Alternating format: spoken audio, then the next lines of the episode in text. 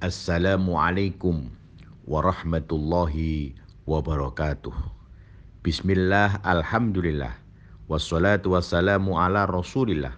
Sayyidina wa habibina Muhammad ibni Abdillah. La haula wa la quwata illa billah amma ba' Hadratil kiram para alim. Alamah. Hadirin bapak-bapak, hadirat ibu-ibu, para pemuda, para remaja, seluruh warga Nahdlatul Ulama, seluruh warga muslim di Kabupaten Gresik dan sekitarnya yang ada di Surabaya tetapi berpenduduk atau berKTP Gresik, yang ada di Lamongan tapi berpenduduk atau berKTP Gresik atau di mana saja.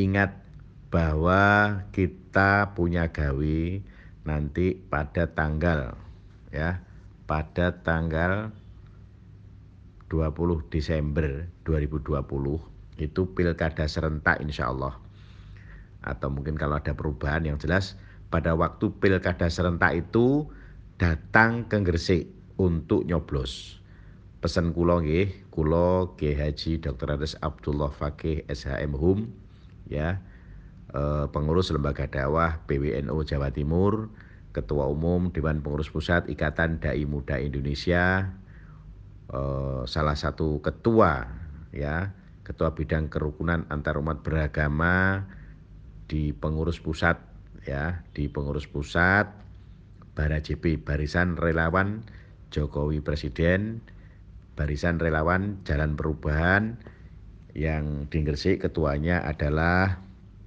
saudara saya Rahmat Rafiq ya.